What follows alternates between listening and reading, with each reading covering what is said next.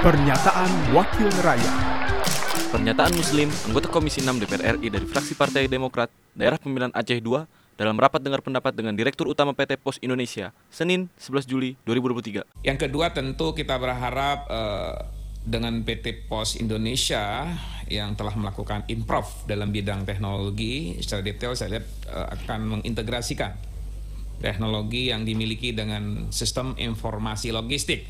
Tentu kita harapkan uh, distribusi ya oleh PT Pos dapat uh, dipantau, ada trackingnya dan juga uh, tentu kita apresiasi Pak dalam rangka melakukan reformasi berkaitan dengan uh, dalam bidang teknologi Pak.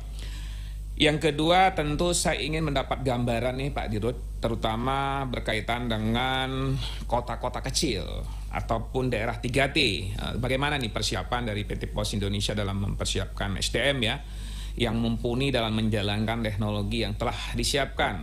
Jangan sampai kita tahu betul daerah-daerah ini kan masih gaptek Pak. Masih banyak sekali termasuk juga akses internet ini juga masih sangat terbatas. Ini saya minta gambaran seperti apa Uh, yang kedua tentu kita harapkan uh, niat PT Pos ini kan jelas Pak ad adalah untuk mempermudah kinerja dalam menyalurkan logistik pemilu melalui improv teknologi. Jangan sampai ini menjadi bumerang yang akan mengganggu jalannya proses pemilu dan juga membuka potensi masalah baru dalam uh, proses pemilu ini. Saya pikir nanti silakan dijelaskan oleh PT Pos.